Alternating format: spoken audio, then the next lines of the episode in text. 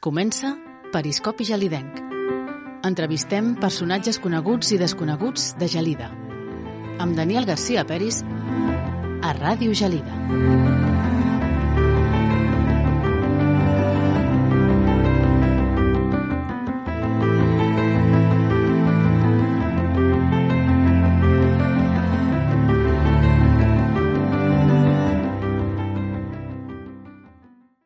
Bon dia i benvinguts a un nou programa. Avui la nostra convidada és la Neus Segura. Bon dia, Neus. Bon dia. Que parlarem de la teva feina, que ets infermera, però també volíem aprofitar de que ets una persona que és nascuda a Igualada i volíem que parlessin també de, de la capital de la Noia, Sí, que tenim molt propera, encara que potser no ho hauria de semblar, però està a prop, no? està a prop, sí, sí. I tu ets nascuda allà, no? És- Jo sóc nascuda allà, sí, sí. Els meus pares són d'allà, nascuda d'allà, sí, sí, d'allà de, de tota la vida. que comparat amb Gelida, doncs, eh, clar, és una gran capital, no? Que, que... Sí, eh, és, és, una, clar, és una capital de comarca, sí, sí. Tot i que, bueno, abans de la crisi hi havia més, més comerç, més cosa, ara s'ha quedat com més, més estancat. Sembla que es va recuperant, però, bueno, va, va haver la crisi del tèxtil i això va fer molt mal. certament eh, la tenim, la recordem pel, per això, per la indústria tèxtil, el, Mm. el barri del rec, dels Del rec, sí. No? Sembla que hi ha una certa intent de recuperació econòmica, però costa, no? S'han reinventat amb el rec, amb el que fan de les, de, les, de les marques comercials que venen i fan iniciatives així que estan molt bé, però clar, el tèxtil està tocat de lo que hi havia a lo que queda. Clar, era, era una, una capital que, que movia molt. Molt. De fet, la, a mi em ve a la memòria sobretot al, al centre, no? doncs, eh, aquelles cases benestants que, mm. que es veuen. Es nota que va ser una ciutat doncs, eh, diguem-ne doncs, que tenia una riquesa important. No? Sí, tenia una riquesa econòmica important precisament pel tèxtil. No... O sigui, a l'època, quan, els, quan els meus pares eren joves, mm, tothom treballava i podies fer les hores que, volia, que volguessis i ben pagades. Vull dir, Quan va començar, diguem-ne, a davallar una mica? oh, la crisi, la crisi del 2010, Mm -hmm. la crisi es va notar moltíssim. Moltíssim perquè molts, molts, molts petits, moltes petites empreses tèxtils van tancar. I clar, n'hi havia moltes de petites. I a més també la competència asiàtica, no? Que sí, a tots no. els nivells, no? Bueno, Però en el tèxtil eh, també... Això ha sigut pels, pel, per la gent d'allà, bueno, s'han hagut de reinventar, els que han quedat han comprat màquines d'aquestes que fan jerseis, bueno, s'han hagut de formar, de fet tinc una amiga que té una, una petita fàbrica tèxtil, i bueno, s'han hagut, hagut de formar, s'han hagut de formar, però dels treballadors que tenien, els que han quedat, molt pocs. I a més a més, eh, val, a- val a dir que la- l'extensió també com a capital de comarca que és, doncs els pobles del voltant també exerceix aquesta capitalitat, no? També, Sí, lo, tot el que és la conca de- Conca d'Òdena. d'Òdena, no? Sí. Que també depenia una mica també del, del tèxtil també, també era, o també altres usos, altres Bueno, potser la conca d'Òdena també hi ha una part de pagesia, però mm, poqueta, eh? El que era més és, era tèxtil. Era una, era una ciutat industrial. I la noia, en aquest procés de reconversió també hi ha aquest circuit de motor, no? Eh, Allà a Castellgalí hi ha diferents iniciatives, no? sí, que sí. intenten, intenten, intenten de... frenar una mica... Però bueno, la gent s'ha reinventat bastant amb el tema serveis i molta gent que, clar, treballa fora d'Igualada. Quan abans de, era un, diguem un pol d'atracció, doncs ara és, diguem-ne, que la gent treballa fora, no? Que és un pol de, Sí, d'anar sí, sí. anar fora a treballar. sí. I en el teu cas, com vas tenir oportunitat de, de jove de treballar en el tèxtil o Bueno, vaig treballar quan era estudiant. Bueno, la majoria de la gent que érem estudiants universitaris, pues, a l'estiu et tocava eh, treballar i eh, on treballaves per guanyar quatre calés era, era amb el tèxtil. I quines feines eren les que estaven Bueno, reservades? a, jo vaig si treballar a la Vives Vidal empaquetant roba interior, eh, roba de, de bany, i bueno, eren coses així en cadena, bàsicament. Diguem-ne, feines que eren, diguem-ne, d'unes hores concretes, no?, i una... Sí, de fàbrica. Mm -hmm. Llevar-te d'hora i, i, fer, i fer les hores que et tocava. I com va ser que et va despertar tu el camí de- d'estudiar de, infermeria? Bueno, perquè bueno, jo sempre he tingut vocació, eh? Des de petita el tema malalts i el tema... No m'ha fet, no fet mai, mai por, ni angúnia, ni, ni, ni res. I sempre, des de petita, mm, ho he tingut clar. Que, que, me- que estava entre veterinària, metge, infermera... I, bueno, no sé, l'enfermera em va agradar molt perquè tens molt tracte amb les persones, és realment la que estàs amb el pacient, bueno, em, em va agradar i, i, i bueno, eh, vaig voler començar com volem començar totes, a tope, a urgències, allà a tope, a primera línia i, i a lo que vengui. Sí, a, a l'escola, diguem-ne, la majoria de- Sí, d'estudiants quan, quan, urgència. quan surten no, o urgències o UCI, és el més... Lo més... El que es vol una miqueta més, una mica més de- d'emoció, no? De, Sí, d'emoció. De, de quan- moviment, no? Després ja l'emoció ja passa amb un altre d'allò. I, el, i en, el, en el cas de la, dels estudis, tu podies, eh, dins de la infermeria, podies triar alguna branca especial o simplement us Bueno. preparen per, per anar, diguem-ne, després a triar en el, el departament que sigui? A veure, a la meva època mm, no hi havia tanta formació en el sentit de- d'especialitzacions, estava una mica peix això. I llavors, eh, bàsicament, el que et feien és que et ficaven en, eh, en una secció on et tocava i llavors et formaven allà mateix, al mateix hospital per estar allà. I clar, jo com que vaig estar molts anys a urgències ja em vaig formar allà. Certament, si estàs en un lloc així, és la millor formació, perquè veus de tot i et tens que espavilar moltíssim i aleshores, després, més o menys, fic, et fiquin on et fiquin, mm, ho, ho domines tot. A no sé que sigui un servei molt especial, que sí que hi ha serveis especials que ja prèviament necessiten una formació, perquè si no és impossible. Està clar que la millor escola doncs, és treballant-hi, no? Fent- Sí, el que passa que ara sí que és veritat que hi ha moltíssima formació, moltes especialitats. Això no es diu, però la, la carrera d'infermeria ara mateix són 4 anys, és una formació bastant completa, Sí. i la majoria de la gent jo, jove que, que, que bueno, això s'ha de reconèixer, que fa ara infermeria, no fa els 4 anys d'infermeria, surt amb un o dos màsters. Vull dir, surt amb una formació mm, bastant d'excel·lència professional. De fet, la, vaja, les estadístiques ho diuen, no? que estan molt ben formats, que fins i tot doncs, eh, molta gent doncs, eh, opta per marxar fora perquè estan molt, molt ben considerats. No? Mm, sí, Els sí, estudiants aquí. perquè clar, compta que un màster és un, d'un a dos anys i la majoria de gent que, que comença a treballar mm, a lo, a lo millor ja comença a treballar amb un màster fet i, i està fent el segon vull dir i la majoria de la gent pues, es forma pel lloc que, que vol treballar Així, en el teu cas, el primer que vas fer mm, va ser seguir una miqueta la, la iniciativa que, que tothom tenia i, i entrar a urgències? Va ser així? Sí, bueno, és que ja, ja d'entrada, quan jo vaig entrar faltaven moltíssimes infermeres i ja m'ho van oferir, que, necess... que no tenien infermeres a urgències i que, que, bueno, que la gent jove que acabava li oferien això perquè bueno, era el més, el que més demandat i que faltaven molt, molta gent i llavors pues, vaig dir sí, sí, m'interessa perquè em vull formar allà i llavors ja vaig entrar allà i vaig estar treballant 8 anys Mm -hmm. I els horaris, per això, es podies Buah, triar? O... No, això terrible.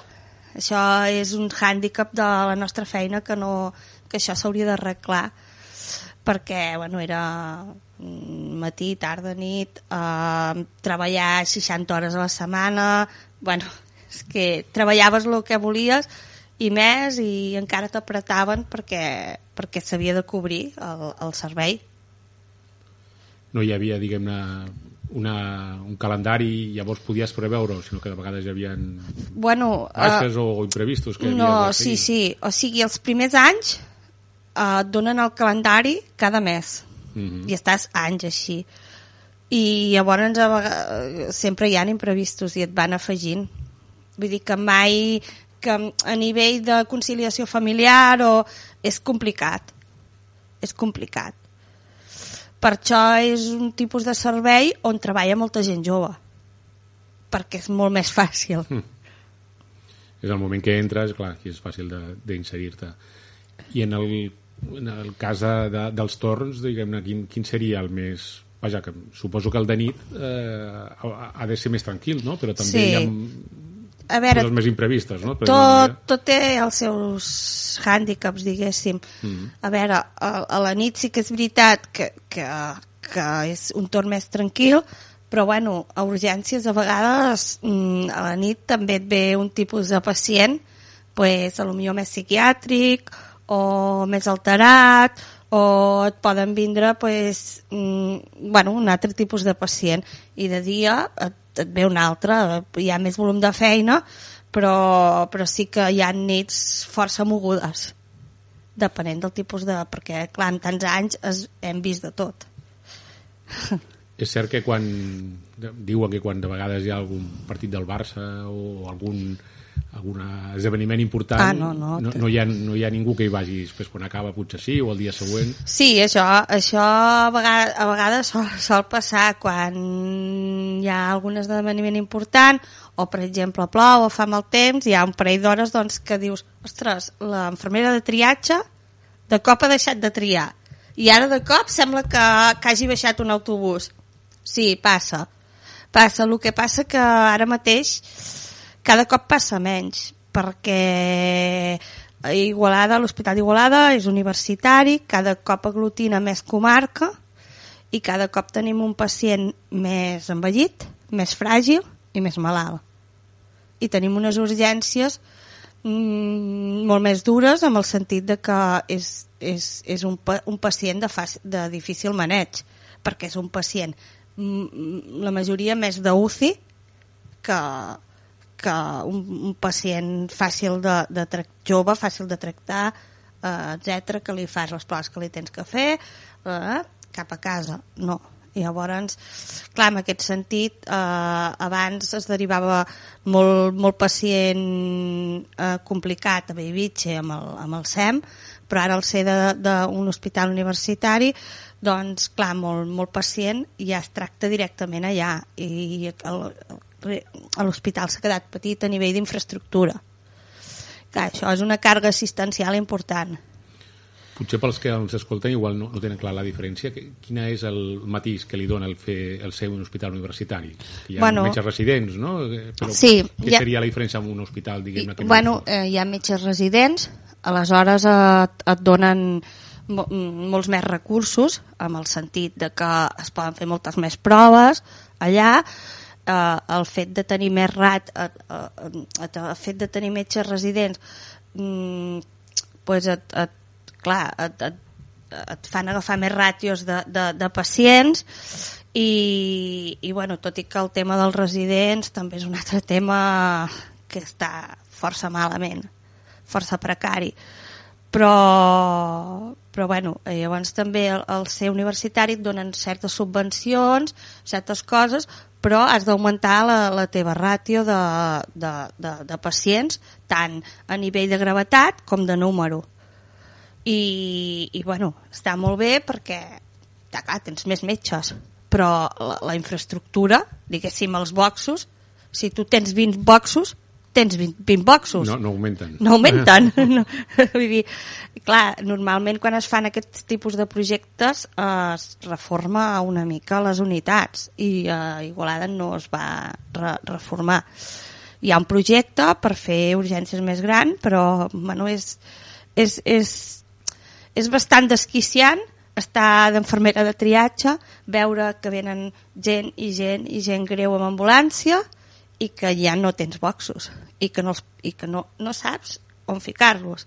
Això és el més desquiciant d'estar d'enfermera de triatge.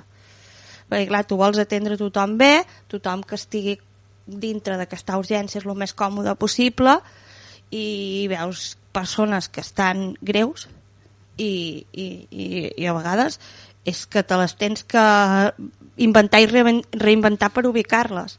Sí, allò que a vegades es, es diu allò als passadissos o sí, sí, és que mm, si no n'hi ha... habilitats. Do, no? és el que diuen, d'on no n'hi ha no en pots rejar. Si tens 20 boxos, tens 20 boxos. Si en tens 30, en tens 30. I, bueno, a vegades pues, els, els boxos s'han de doblar. Uh, tenim dos sales grans de re reanimació que són com mucis. És veritat que les sales de reanimació són molt grans, però a vegades estan doblades perquè aquella, aquella persona pot fer un paro cardíac i a vegades mm, estan doblades. Hem de posar dues persones amb, amb un box de reanimació perquè no ens queda més. Potser se'ns repeteix una miqueta doncs, que, que cal tenir una millor educació quan s'ha d'anar a urgències, diuen allò de trucar al 061 o potser en el CAP, encara, encara se'n fa malament. Sí, però cada cop menys, eh? Mm. O sigui, sí que és veritat que eh, ara una cosa bona és que abans des del CAP ens podrien, ens podien derivar urgències, això s'ha pogut fer tota la vida, i ara nosaltres també ho podem fer, que era una reivindicació, o sigui, des d'urgències derivar-los al CAP, fer un paper i derivar-los al CAP. Però sí que és veritat que la gent cada cop està més informada. I sí que és veritat que si mm, un mal de queixal fa molt mal, molt mal, però ja ho saben que si venen per un mal de queixal es poden esperar 6 hores, perquè no, no, és, no, no, no és un risc vital bàsic. I aleshores, pues, bueno, ja ho saben i hi ha gent que prefereix esperar-se i hi ha gent que prefereix anar al cap. Bueno, se'ls deixa la seva elecció. Tu a urgències has fet, eh, suposo que per tots els, per tots els jocs, Sí, sí, de, sí. infermeria de triatge i de, De tot, tipus. de tot pediàtrica, traumatològica, quirúrgica i la medicina general. Quina és, diguem-ne, la, la posició més compromesa, creus tu? El triatge, potser, perquè has de definir Bueno, una mica un criteri. Mm, sí, triatge...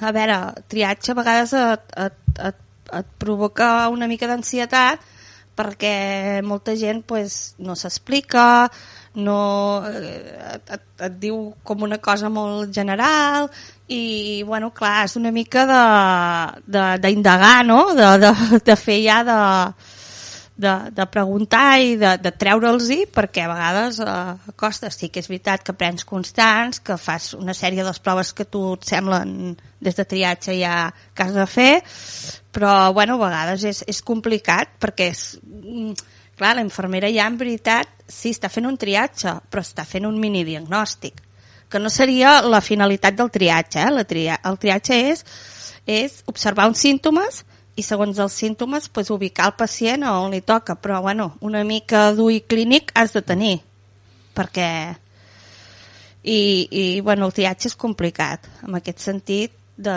de, de, d'allò. Bueno, sí que és veritat que davant del dubte, si aquella persona et dubtes eh, entre un nivell, un nivell 3 o un nivell, un nivell 4, sempre jo he optat per ficar un nivell 3. I aquella pregunta, no?, que, de definir el dolor, no?, de, de, del 0 al 10, no?, que ho diu el mateix, el Sí, mateix bueno, pacient, és però de vegades és molt subjectiu. el dolor no? és molt relatiu. El dolor és molt relatiu. Pot estar una persona triatge infartant-se amb un infart d'aquests br mm, brutal i, i tenir molt poc dolor. Vull dir, eh, a vegades et, et pot venir una persona amb un infart fulminant i dir que té una mica de mal de panxa.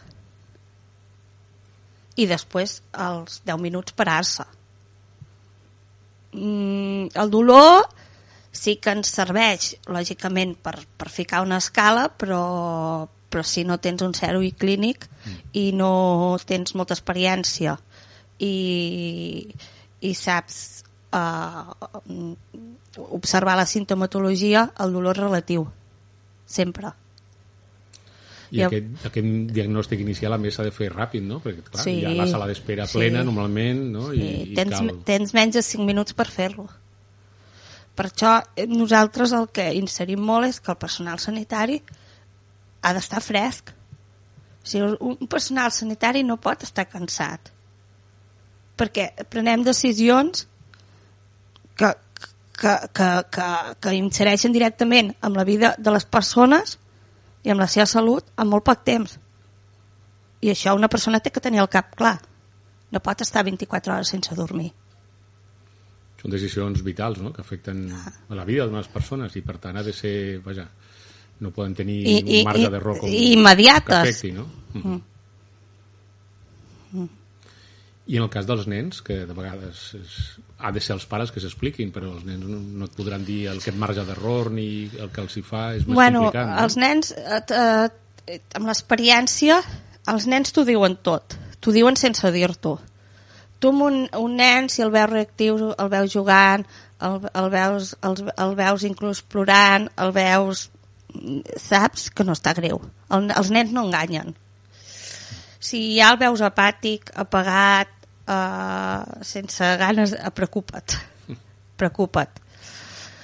I, i bueno, els nens en teoria a nivell de triatge és, és bastant fàcil triar-los perquè és un tipus de pacient que no enganya no enganya i, i bueno, que sempre més o menys tenen viriacis, tenen les mateixes... Sí que és veritat que una cosa que està molt bé a l'Hospital d'Igualada, que a la mínima que, que ens truquen que ve un nen amb un SEM, per alguna cosa greu, pues de seguida ve el, el SEM pediàtric i ja el porten directament a Sant Joan de Déu. O sigui, però bé, res, als 5 minuts. Mm. O sigui que realment malalts pediàtrics greus, greus, no tractem. Que això, vulguis o no vulguis, és un descans. Que, que vingui l'especialista, el SEM pediàtric, a, a, a agafar aquell nen. Clar, amb l'experiència eh, i també repetint els anys, no? eh, de vegades podeu saber doncs, a urgències de, mira, ara, per exemple, la grip, no? a l'inici de l'hivern o amb pujades i baixades de temperatura, podeu saber que ara vindrà tanta gent per la grip, no? Però Sí, bueno, ja això està estudiadíssim. Tot l'any podeu saber una sí. miqueta com un hi ha, calendari de malalties. hi ha una època que ja es diu època piu, que ja saps que ja el, els, això ha passat cada any, eh? no, no, no ara Mm. pel Covid, que ja és l'època piu, que saps que urgències es col·lapsarà i llavors intenten refor reforçar la unitat dintre de, de lo que hi ha. Però bueno, ja ho saps. Quan ve l'època d'hivern ja saps que, bueno, que ho tindràs ple. I ara apareix un altre virus, no en teníem prou amb, amb, els, amb els que teníem, però bueno, ja saps que ja tens tots els pacients habituals, cardiòpates, respiratoris, eh, habituals d'urgències, més els hi afegeixes pues, les grips, les bronquitis, les pneumònies, tot lo associat a... i els nens igual. Són els que primer cauen, diguem. Sí, agafen bronquiolitis, bueno, sincicials respiratoris, bueno, són, són els, estan tot l'hivern amb mocs. No? Hi ha una altra època de l'any que també hi hagi un cert patró de d'aquesta arribada de, de, de malalties, diguem-ne, repetitives? No, el que hi ha la resta de l'any és, mm, doncs, això, si hi ha una festa, festa major, o... Sí? Festa major es nota en sí, urgència? sí, és, o Sant Joan, molts cremats, També, clar. bueno, ja ho saps. Sí, sí, la nit de Sant Joan és una nit dura. Després la, les, la fe, les festes de Nadal, la gent es passa molt menjant i després hi ha molts ictus, molts infarts, mm, bueno, sí, la gent... I els usuaris, i sobretot els, usu els familiars dels usuaris, comprenen, per exemple, ara que parlàvem del triatge, quan eh, de vegades hi ha certes esperes... Costa, costa. Tots som certament egoistes i tots, el nostre familiar, volem que la tinguin el primer. Això és lògic i, i, i és una unitat que, que a nivell dels professionals hi ha tensions. Vull dir, no ens enganyarem. Hi ha tensions perquè, bueno, al final mm, tens que informar i els hi tens que dir coses que no els hi agraden, que no volen sentir. i quan els dius que el seu familiar no és prioritari, lògicament s'enfaden. S'enfaden o, o s'ho prenen en plan, bueno, ves, què hem de fer? Però no hi ha ningú que digui, perfecte, això és meravellós. Mm. Costa d'admetre, oi? Òbviament. Mm. Tothom voldríem que ens atenguéssim uh, els 5 minuts d'entrar i que tinguéssim, bueno, una atenció d'excel·lència. Això ho voldríem tots, perquè és la nostra salut. Jo la primera, eh? No, no, s'ha d'admetre que és així en el moment, diguem-ne, de, de debilitat, de fragilitat, no? I de, que mm. vols una solució, doncs clar, vols, diguem-ne que vols prioritzar tu mateix, no? Una mica. Mm. Doncs Neus, ara hem arribat al, al punt del programa on demanem a les nostres convidades que, que prioritzin doncs, una música, una cançó, Eh, quina és la teva i, i per què l'has triada? Bueno, jo he triat una cançó perquè bueno, eh, vaig demanar canvi arrel de la pandèmia i ara estic en una unitat geriàtrica d'adults que també bueno, aprenc molt eh, a cuidar dels avis, a cuidar i tractar-los i he triat una cançó de Charango que és Compte amb mi per ells.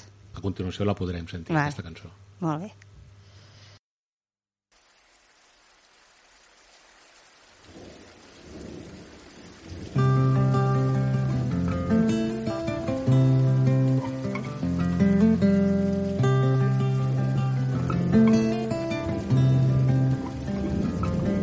Compta amb mi a l'últim sospir de la nit. I en el primer alè del dia els teus llavis quan badallis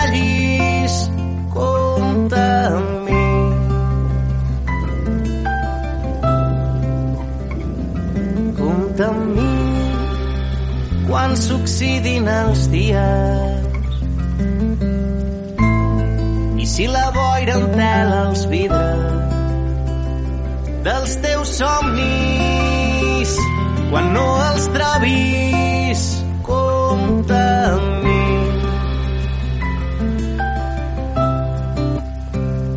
I tu i jo. En una ciutat gelada desfent la neu a dins dels teus llençols. I tu i jo que se't curin les ales. Jo seré aquí espantant els teus malsons. Compta amb mi en els dies de lluita. I si l'esperança et descuida els mals passos hi haurà uns braços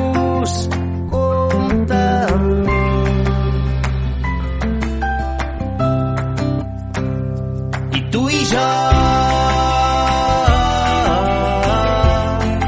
en una ciutat gelada desfent la neu a dins dels teus llençols i tu i jo.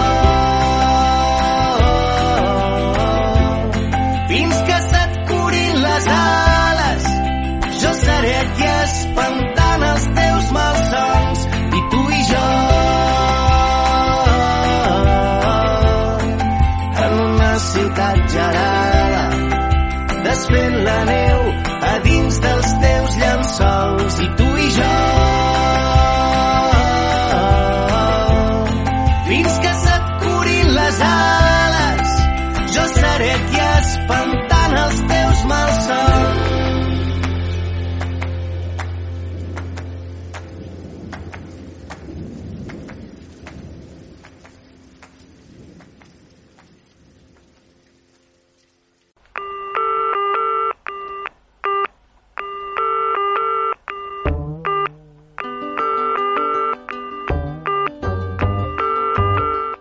escoltant Periscopi Gelidenc amb Daniel Garcia Peris a Ràdio Gelida.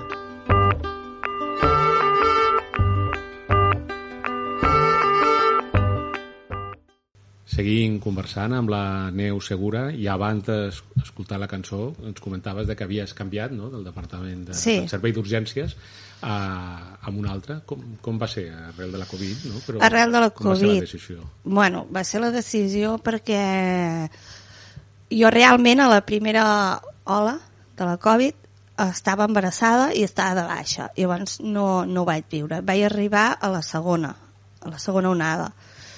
I m'ho vaig trobar vaig trobar un servei molt canviat, un servei d'urgències que no reconeixia i un tipus de pacient que, que, que vaig al·lucinar. O sigui, la primera guàrdia que vaig fer era un pacient que t'entrava parlant, que deies, bueno, i el, a les dues hores mm, estava ofegat, a punt d'estar intubat i molt greu, i que empitjoraven en, en res. I això em va impressionar moltíssim. Entrava molta gent, molt malament, i, i, i bueno, em, em, vaig, em vaig agobiar molt, com totes, però clar, les meves companyes ja portaven un any de rodatge, que jo havia estat de baixa. I, i llavors em, em vaig plantejar canviar d'unitat perquè, perquè no, no, no ho podia aguantar. No m'havia passat mai, però em va, em va com una mica superar i, i vaig decidir pues, anar a planta, que a planta també tens pacients Covid, però ja és diferent. ja els tens com més orientats i més... Estabilitzats, no? Sí. Diguem, eh? I vaig decidir, doncs, em van oferir... bueno, vaig, vaig demanar-ho, em van oferir aquesta unitat i bueno, em va semblar, em va semblar bé i, i com que bueno, ara mateix hi ha feina a tot arreu, falten mans a tot arreu, em va semblar bé, vaig pensar que era un, un altre lloc molt diferent, que també podia aprendre coses diferents, jo sempre havia estat a la mateixa unitat i poder ja en tenia prou i ja, ja, hi havia gent molt jove i potser necessitava un canvi i va ser encertat per mi. Clar, eh, recordem ara, igual ens sembla molt lluny, però perquè ho volem oblidar, però que realment en el moment àlgid de la pandèmia i més als hospitals hi havia aquelles proteccions, aquells, aquelles EPIs que eren de cap a peus. Allò era terrible. era, uns ep, era terrible. Perquè, bueno, és que eh, quasi el pacient no et veia tu, tu no veies el pacient. Mm, Per fer una cosa tan, tan elemental i tan bàsica com ficar una via, un cateter, era un drama, mm. perquè t'havies de posar doble guant, les ulleres, mm, si no veies el pacient no, quasi ni veies la vena, era molt difícil treballar. Era molt difícil treballar. Els pacients estaven sols, no podia entrar cap, cap, cap familiar, mm, molts amb mal pronòstic, bueno, era molt trist. S'entenies que s'havia de treballar així? Bueno, suposo que sí. Sí, si em va, em va sorprendre molt com va reaccionar la, els familiars i la gent durant la pandèmia, perquè va reaccionar molt bé. Això em va sorprendre. I, i, i els malalts també. Malalts també. Perquè, bueno, se'ls deia, eh? Quan empitjoraven amb, amb hores, se'ls entrava l'internista de UCI, se'ls explicava la seva situació i que potser s'havien d'in- d'intubar i que si volien parlar amb la seva família i fer una videoconferència. Això se'ls havia de dir. Clar, el, el que podia parlar. Sí, en aquest sentit era, era, era molt dur emocionalment veure la, els malalts i les famílies d'aquesta manera, la veritat. Era, a part de la càrrega física dels EPIs, hi havia una càrrega emocional molt gran i, i bueno, clar, també hi havia altres malalts que atendre, no, no tot era Covid, també et podia arribar un infart, o et, podria, et, et, et podia arribar un ictus, o et podia arribar qualsevol cosa greu que tu havies d'atendre en, en, en, el, el, en el menor temps possible. I tenies tots els, els, els boxos ocupats per, per gent, que, gent gran, sobretot, que, està, que tenia Covid i que estava molt, molt, molt greu. Era molt difícil gestionar tot això. I a més a més el, el fet de, de la incertesa, no? que no hi havia la vacuna potser o... Incertesa total. I una cosa que em sorprenia molt, que a vegades els que deia bueno, aquest sembla que, que està millor, que remunta, que no em podies fer cas, perquè el que et semblava que estava millor, eh, el dia següent estava fatal. I el que deies, aquest està malament, mm, poder el dia següent feia una remuntada. Era, era un virus que en molt poc temps mm, feia uns, uns bueno, et, et, provocava una inflamació al pulmó rapidíssima i s'ofegaven. I una cosa que em va impressionar moltíssim, el, el primer cop que vaig entrar, la primera, de les primeres guàrdies que vaig fer ja amb el Covid, que vam, vam, bueno, se li va dir a la senyora, uh, t'hem d'intubar, estàs molt greu, i, i la vam entrar, la vam intubar res en 10 minuts, i, i la, la vam posar a panxa, la vam posar panxa avall perquè tots els malalts Covid es ficaven panxa avall perquè el pulmó ventilés més i, i intubada les saturacions, que és la quantitat d'oxigen que hi ha a la sang, realment donaven pena. I doncs recordo que li vaig dir a l'internista l'has intubat malament. Mm. Li vaig dir jo a l'internista d'UCI, l'has intubat malament, eh, aquesta senyora, aquesta senyora no està ventilant bé i em diu l'internista, no, Neus, no, l'he intubat bé, reina. Uh, ja, ja, ja aniràs agafant, ja ho aniràs veient. Ja ho aniràs veient. Ja ho aniràs veient. Mm, tranquil·litza't, però ja ho aniràs veient. Dic, no l'has intubat bé, és el primer que li vaig... Hi ha confiança, són molts anys, i li vaig dir, diu, sí, sí que l'he intubat bé, Neus, ja ho aniràs veient. Agafa-t'ho en filosofia. A més a més, les, també els pacients de, de llarga durada, no? I amb seqüeles importants. Clar, havies d'atendre tot, tot. Perquè, clar, que estava molt malament, perquè hi era un pacient pluripatològic que, que, bueno, que et ve, aquest també l'has d'atendre. I, que, clar, l'hospital està infestat de Covid. I eren pacients o cardiòpates o respiratoris, que només els hi falta, i la meitat de la, de la plantilla infectada que això és una altra. Vam tenir una companya que, bueno, quasi es mora. Va estar a la UCI intubada. Molt greu. O sigui, va passar de, de, de servir, no?, de fer la seva professió, doncs a ser pacient, no?, en el mateix hospital. Bueno, la majoria. La majoria, tots, la majoria. Passa que la gent jove l'agafava, l'agafava suau, suau era, tenir febres, tenir mals ronyons, trobar-se fatal, però passar-lo a casa però ja la gent una mica més gran, si no estava vacunada, tenia problemes respiratoris greus.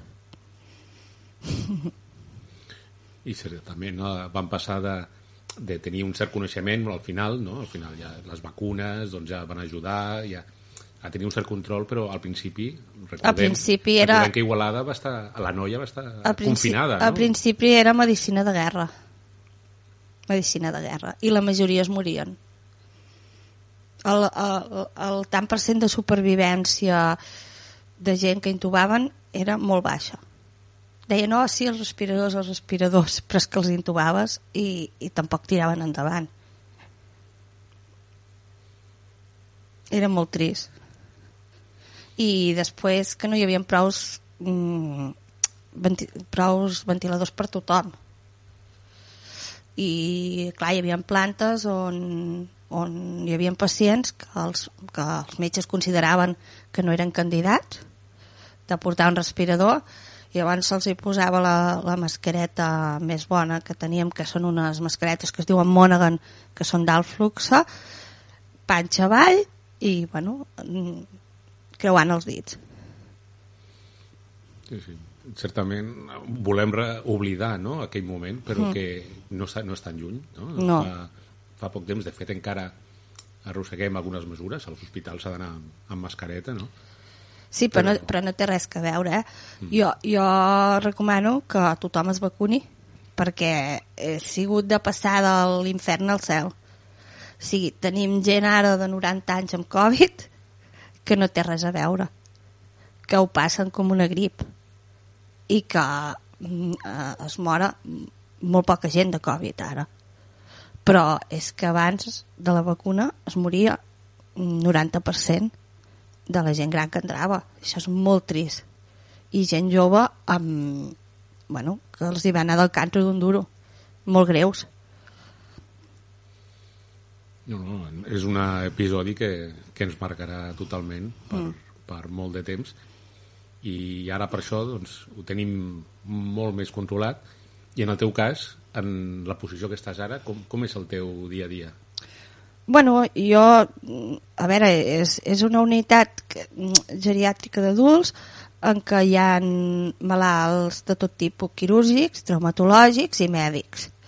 I, bueno, són, és una, una unitat de, de, de partir de gent de 80 anys en amunt i són gent que són candidats a, a, a fer-los tot. Són, no, o sigui, a operar-los, a, a, a, a tot el que... No? I, i bueno, és una, una, una unitat que intentem tirar-los endavant. És complicat perquè són edats molt avançades, però bueno, sí, certament donem moltes altes, per tant la unitat funciona perquè molt, molt poca gent va a pal·liatius. Sí que pot ser que hi hagi avis que, bueno, que ja al final no funcioni la cosa, no vagi bé i llavors se'ls ha de pal·liar, però sí és veritat que donem moltes altes i, i, i supera molta gent i tirem endavant a molta gent que això mm, eh, abans no es feia segons quin... Què, què es feia abans? bueno, clar, segons a vegades quin tipus d'operacions eh, no, no es recomanaven amb una persona de 90 anys.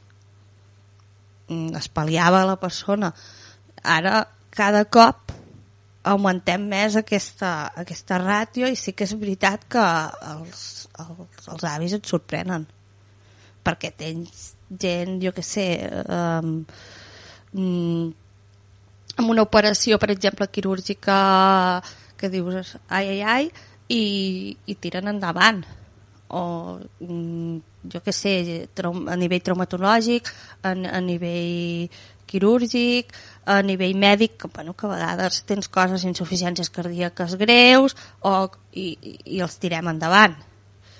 Sí que és veritat que a vegades tornen un altre cop a reingressar, però, però que donem bastantes altes, sí, i gent mm, d'avançada edat i bueno, són pacients fràgils que requereixen moltes cures que requereixen molta atenció que les nits a vegades es desorienten i ara estic fent nits llavors clar és, és una unitat que, que, bueno, que requereix pues, pues, no és allà una unitat que la nit estàs tranquil, més o menys tranquil i vas fent les rondes no, no, és una unitat que requereix pues, estar molt pendent molt pendent del malalt perquè és un malalt fràgil has de tenir molta comprensió no? cap a ells perquè realment es troben una miqueta desemparats. No? Sí, sí, comprensió total, perquè molts estan a la nit desorientats i no saben molts cops on estan ni, ni el que diuen ni entenen el que els hi fas, per tant, molta paciència, molta comprensió i bueno, a vegades s'ha de,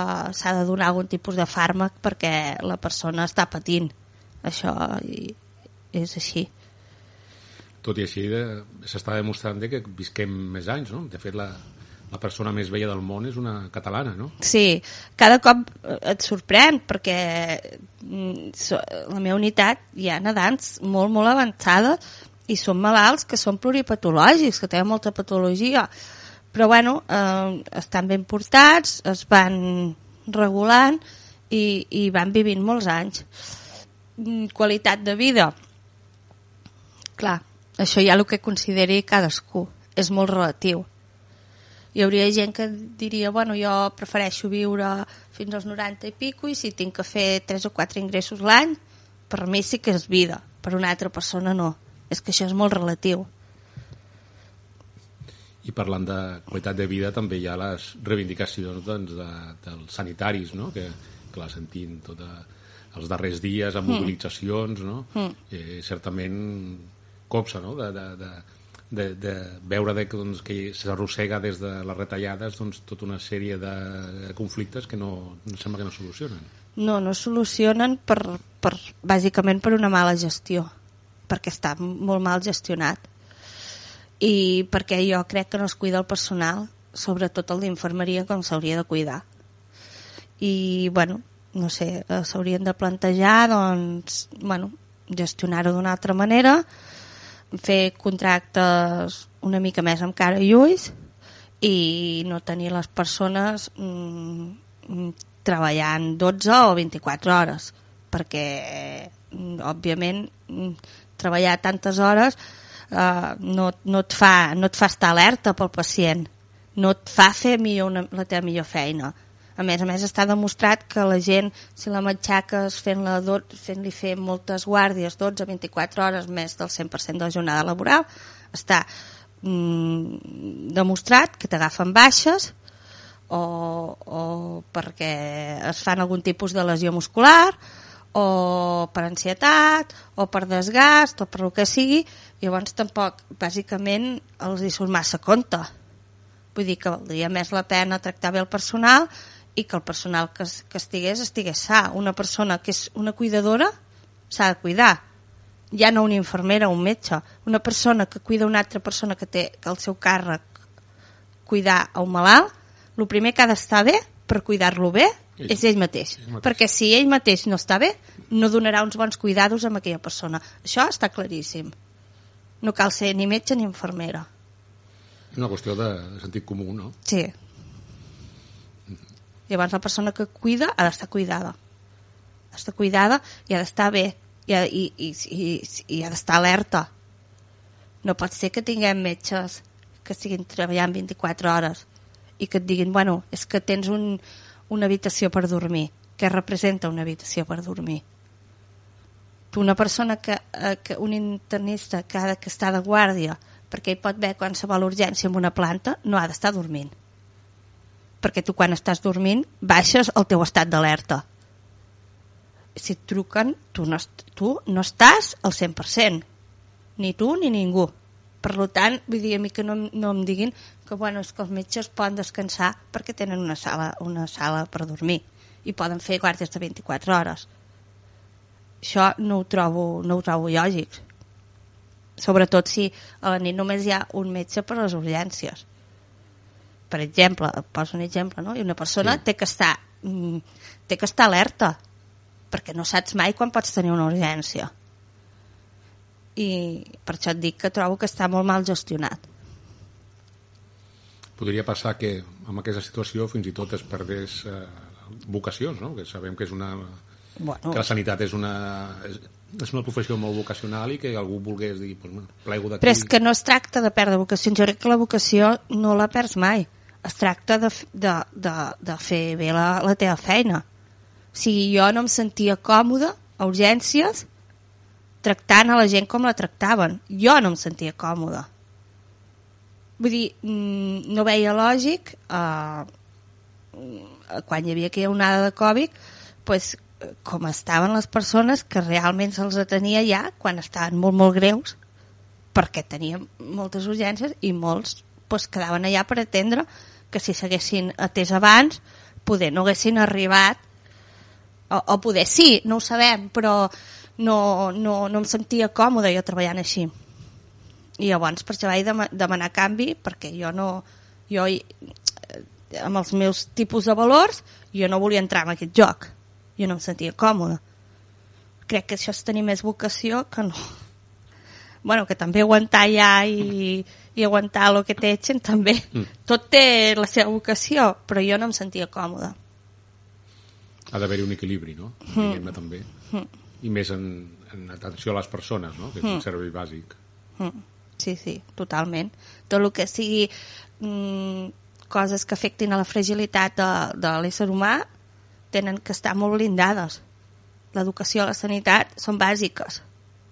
No sé, potser s'haurien de plantejar mm, treure diners en defensa que es gasten di moltíssims diners en defensa. No sé què fa el nostre exèrcit arreu del món però crec que moltes coses es podrien prescindir. Perquè crec que necessitem hospitals. I també reforçar no? doncs, tota, la, tota la xarxa sanitària, no? també el centre sí, sí, d'atenció primària. És que i... el problema ja no és fer més hospitals, mm. és que el problema és que els que hi han uh, falta gent. O sigui, jo he, he, tingut, he fet vagues en què hi ha uns serveis mínims i han vingut els sindicats i és l'època que hem estat millor, perquè érem més gent que un dia normal. Sigui, això vol dir que un dia normal estem treballant per sota els serveis mínims. Un contrasentit total. Sí, llavors dius, fem vaga, perfecte, serem una infermera més.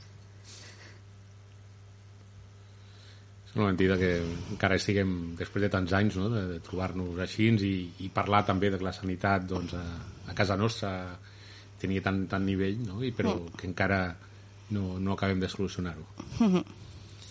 doncs estem arribant Neus al final del programa, però no volíem marxar, perquè hem parlat molt d'Igualada, de, de, de l'hospital, però també doncs, la teva relació amb Gelida. Com, com va ser que vas venir a viure a Gelida? bueno, jo fa 8 anys vaig conèixer el meu home, el Dani, i bueno, ell, vi, viu, ell és, és nascut a Barcelona, però fa 20 anys que viu aquí a Gelida, i, i bueno, a mi em va enamorar el poble des del principi.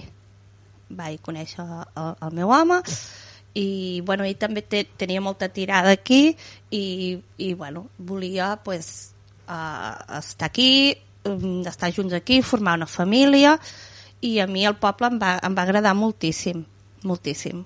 Uh, bueno, trobo que hi, hi ha molta qualitat de vida, és molt maco, tens de tot, està ben comunicat, um, a nivell d'anar a treballar a Igualada doncs són 25 minuts, i, i bueno, volia un, una vida una mica més tranquil·la i jo trobo que a Gelida hi ha, hi ha molta qualitat de vida la, després també la gent molt amable, és una cosa que em va sorprendre moltíssim, perquè, clar, vens d'aquí de nou i de seguida pues, mm, vaig fer coneixences perquè bueno, vaig voltar bastant pel poble i de seguida vine aquí, vine allà, vine no sé... I bueno, em vaig anar introduint. És acollidora. És, molt, és un, un poble molt acollidor, molt acollidor, molt. I, i jo m'he sentit, jo, em sent, jo sempre dic que sóc de Gelida ara. Em sento molt de Gelida. Sempre ho dic. Quin és l'indret que més t'agrada de, de Gelida? Bueno, mm, m'agrada molt que tot el bosc que té, que té, té molt territori. I sí que és veritat que vaig molts dies a caminar, per allà a la Font Freda, tota aquesta zona la trobo preciosa. Després la zona del castell, també m'encanta. Uh, bueno, és que tot, és que a l'estiu uh, estàs allà a la, a la plaça mateix, mm, l'ambient que hi ha mm, fent un veure una xerrada és, és, estàs molt a gust molt a gust doncs Neus, ara amb aquesta imatge en, ens quedem i sobretot doncs, a, a, amb el teu testimoni de compartir doncs, a, la teva feina d'infermera a l'Hospital de, d'Igualada i, i aquest capítol també que és colpidor doncs, de, de, que van passar de, de la Covid i també la necessitat de, doncs, de millorar doncs, a, els recursos cap a la salut que realment és un dels capítols més importants a la nostra societat. Pues sí, no, realment no ho veus fins que t'hi trobes, fins que estàs malalt. És, és cert, és cert. I sempre hi ha aquesta prioritat d'un mateix, no? però que sempre també hauríem de ser una miqueta més conscients doncs, de la, dels professionals que hi treballen i, i que realment estan vetllant per tu no? i que mm. prenen les decisions doncs, les, més, les més coherents possibles. Mm -hmm. És el que intentem. Doncs moltes gràcies. Vinga, Neus. gràcies a tu. I nosaltres només queda acomiadar-nos i ens retrobarem la setmana vinent amb un nou programa de Periscopi Gelidenc.